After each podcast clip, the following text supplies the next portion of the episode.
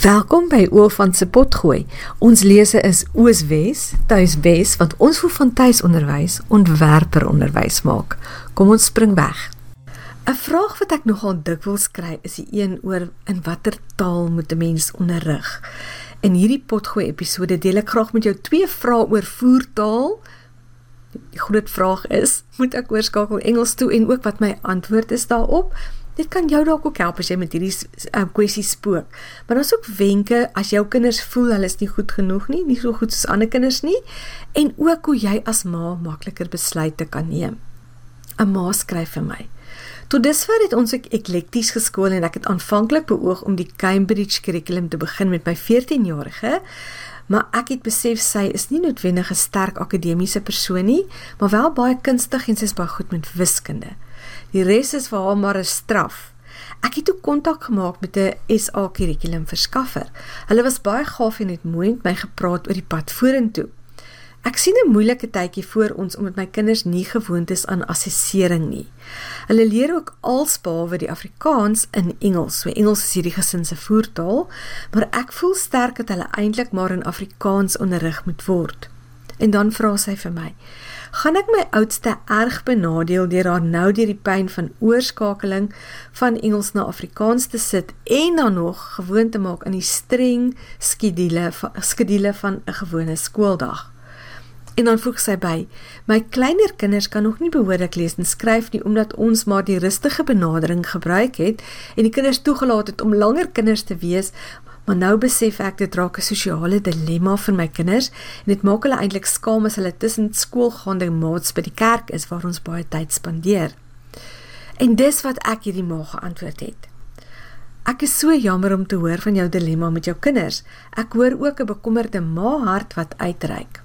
Dit gaan belangrik wees om die situasie in die oog te staar presies soos hy nou is en vrede te maak daarmee te maak. Ek sou daar begin. As gelowige klou ek self verbeter vas aan die vers dat vir hulle wat die Here liefhet, alles ten goeie meewerk. Maar net om die kommer en die angs 'n bietjie te laat bedaar en jou weer toegang te gee tot jou pro probleemoplossende brein, gaan sit en maak 'n lysie van alles wat wel werk in die situasie. Alles wat goed is, alles wat 'n seën is. En vir hierdie maat ek byvoorbeeld nou gesê dit klink of jy 'n goeie verhouding met jou kinders het. Sit dit op die lysie. Dit klink of hulle bereid is om hard te werk en 'n goeie leerhouding het. Sit dit op die lysie. Eers nadat jy die dankbaarheidslysie totaal uitgeput het en geskryf en geskryf het oor alles wat goed is, sal jy begin voel hoe jy weer kalm raak en dan helderder kan dink. En nou, as jy op daai punt is, as jy jouself nog gekalmeer het, dan vra jy jouself af, hoekom wil ek nou terugspring na Afrikaans as leertaal toe as sy in elk geval van plan was om die kinders 'n Engelse matriek te laat skryf. Hoekom twyfel sy nou skielik in daai besluit van haar? En dan het ek hierdie ma ook aangeraai om te kyk na die Amerikaanse hoërskool diploma as 'n alternatief vir Cambridge. En want ek die rede wat ek sê is die Amerikaanse hoërskool diploma is nie so akademies nie. Dit gee jou meer opsies. Maar aan die ander kant as hierdie arme ma klaar oorweldig voel, gaan die Amerikaanse hoërskooldiploma gaan van haar verg om bietjie meer moeite te doen, self moeite te doen. Sy gaan 'n um, 'n eie leerplan moet saamstel, boeke gaan kies en so aan. En ek kan verstaan as mense oorweldig en oorwerk voel hierdie ma, ek het nou nie al haar besonderhede gegee nie. Sy was ook besig om te studeer. So sy was sy was in elk geval besig. So mense kan verstaan hoekom sy 'n boek kurrikulum sou verkies wat klaar die leerplan reg het en sy het toe klink my besluit om daai roete te gaan. Maar dit lyk vir my asof sy vir 'n oomblik vergeet het dat as haar kinders klaar in Engels geskool is, so 'n Suid-Afrikaanse kurrikulum verskaffer soos Impact of Nucleus of um Brainline, hulle gaan dit vir die kind mos moontlik maak om dit in Engels ook te doen. As veral as jou kind se dinktaal Engels is, as jou kind klaar sterker is is Engels. En dan wou ek ook 'n bietjie iets gesê het oor die feit dat haar kinders nie goed genoeg voel nie. Weer 'n keer. As jy in so 'n situasie is, wil ek jou aanraai gaan maak self 'n lysie van al jou kinders se goeie eienskappe, al hulle prestasies, al die redes waarom jy vir hulle lief is. Gesels met hulle daaroor. Vra hulle uit waarvan hulle hou. Nou goed, byvoorbeeld vir hierdie vir hierdie meisie wat dalk nou 14 jarig is wat bietjie ouer is as 'n tieners is, is dis moeilik vir hulle om daaroor te praat, maar as jy vir jou kinders kan leer dat hulle waarde en identiteit lê in Christus en dis waar dit geanker is en nie wat ander mense van hulle dink nie. As jy dit vir jou kinders kan tuisbring, leer hulle eintlik iets wat hulle vir die res van hulle lewe sal kan dien. En nie so tussen ons dis iets waarmee baie groot mense nog sukkel, né? So as mens nou daaraan dink die situasie waar hierdie ma in is, sy gaan haar dogter gaan 'n moeilike jaar hê, sy moet nou 'n aanpassing maak om haarself nou begin reg te kry vir hoërskool, skielik baie meer formeel te begin werk. Maar in daai situasie wil jy haarself beeld bou en jy wil ook haar emosionele veerkragtigheid bou. En 'n mens doen dit dat sy haar innerlike sterkte binne haarself kry, deur haarself te herinner wie sy is en dat die Here haar liefhet ongeag wat ander mense van haar dink. Die beste manier om dit te doen is om haar of enige van jou ander kinders gedurig te herinner wat se wat hulle 'n ongelooflike mense hulle is. En ek dink dis ook belangrik. Ek het al van tevore voor hieroor gepraat, maar ek wil dit tog benadruk dat ons in ons koppe al onderskeid maak tussen vaardigheid en karakter. Vaardigheid is iets wat 'n mens kan aanleer, soos om vlot te leer lees en skryf. Maar karakter of kom ons noem dit dan persoonlikheid het te maak met dit wat elke kind uniek mens maak.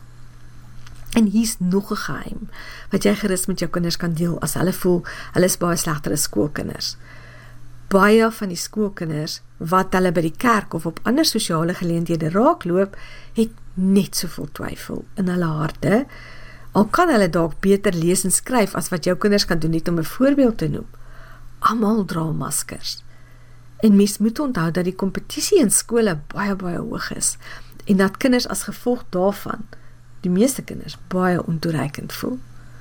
So, soos jy kan hoor as ek nou vir jou moet opsom, was my raad basies aan haar en dit kan jou dalk ook help. In die eerste plek, as jy baie oorweldig voel, kalmeer jou brein net eers deur te begin by alles wat werk en wat positief is.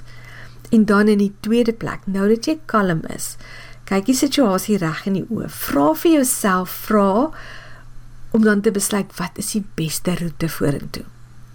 En in die derde plek, onderskei altyd tussen jou kind se onaantastbare waarde as mens en dan daardie blote vaardighede van iets wat hulle nog moet leer. Ek hoop dit het jou gehelp, maar hier's nog 'n ma. Hierdie keer sy het jonger kinders. Sy skryf vir my: "Ek het twee dogters, tans graad R en graad 1. Ek het hulle die aand toe die COVID inperking begin het uit die skool gehaal toe hulle in graad R en graad RR was. Ons tuiskool sedertdien. So hier is nou verlede jaar vir my geskryf, maar ek dink nog steeds jy kan daarby baat. So dis kom ek dit graag met jou deel. Sy sê ons is erg Afrikaans, maar tog oorweeg ek classical conversations vir 2022 wat ek dan wil aanvul met die Oolfant Afrikaanse programme. En hier is nou haar brandende vraag. Dink ek wat Marisa is, sy maak 'n fout om haar Afrikaanse kinders so vroeg aan so baie Engels bloot te stel. En hier's nou die antwoord wat ek vir jou wat ek vir haar gegee het en koop dit gaan jou ook help. As jy besluit om jou kinders in Afrikaans te leer en dit as hulle voertaal te gebruik, gaan die behoud en die uitbou van Afrikaans in hulle lewens so maklik wees soos asemhaal. Natuurlik, van selfsprekend.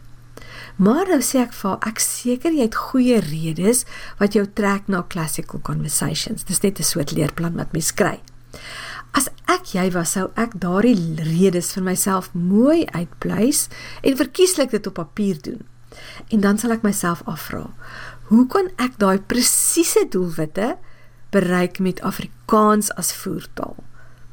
En dan, as dit nie vir haar moontlik is nie, kies dan classical conversations, maar vertrou jouself met daai besluit. Maar nou, in plaas van om te vra, maak ek 'n fout? Vra jouself liewer 'n beter vraag, 'n vraag wat jou meer bemas, bemagtig. Hoe kan ek seker maak my Afrikaans, my kinders se Afrikaans bly sterk al leer hulle meestal in Engels? So, as mens bietjie daaroor dink, kan jy insien in so 'n geval sal jy doelbewuste strategieë moet hê, want dit gaan nie so van selfsprekend wees dat hulle Afrikaans sterk gaan bly as wanneer jy Afrikaans as 'n voertaal gebruik nie. Ja, dit gaan baie help om kursusse soos oor van sin bykomend te gebruik, steeds baie hardop vir hulle in Afrikaans voor te lees en verder ook spesifiek tye in te ruim wat hulle net Afrikaans praat, soos byvoorbeeld oor naweke by die kerk of by familie ensovoorts. Die belangrike ding om te besef is dat dit moontlik is om jou kinders se Afrikaans sterk te hou al leer hulle meestal in Engels. Kan jy verstaan dat ek vir jou sê jy weet hoe voel ek oor moedertaalonderwys, maar ek wil die druk en die die vrees en die angs vir ma's wegvat en sê ja, dit is moontlik om jou kind in Engels te leer en hulle nog steeds sterk in Afrikaans te hou.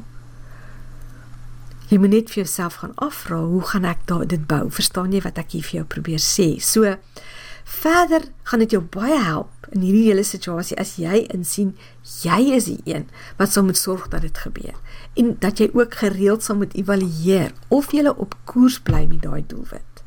En nou is ek my raad vir hierdie tweede ma vir jou kan distilleer sodat jy beter daarvan gebruik kan maak. In die eerste plek vra altyd vir jouself goeie vrae bemagtigende vrae. Nie soos in hoekom sukkel ek so nie, soos in hoekom wil ek 'n leerplan gebruik? Wat wil ek daardeur bereik? In die tweede plek, herinner jouself dat mens omtrent altyd meer opsies het as wat jy aanvanklik besef. En spel dan altyd vir jouself die voor en die nadele van elke opsie uit. Derde plek, maak 'n keuse. Vertrou jouself met daai keuse. In die vierde plek, evalueer gereeld of jy op koers is wat jou doelwit betref. En dan maak veranderinge indien nodig. Ek glo tuiskool moet makliker en lekkerder as skool wees. Maar daarbey voel ek ook sterk dat tuisonderrig beter resultate as skool moet oplewer. Dis hoekom ek Afrikaanse aanlyn kursusse ontwikkel het wat jou as tuiskool moet help om lekkerder en maklik te tuiskool en beter resultate te kry. Gaan na my webwerf oolfant.com en dan op die voorblad sal jy links bo in die hoek 'n oortjie sien wat sê e-kursusse. As jy daarop klik, verskyn 'n lys van al die beskikbare kursusse en pakkette wat ek het. En ek praat graag weer volgende keer met jou.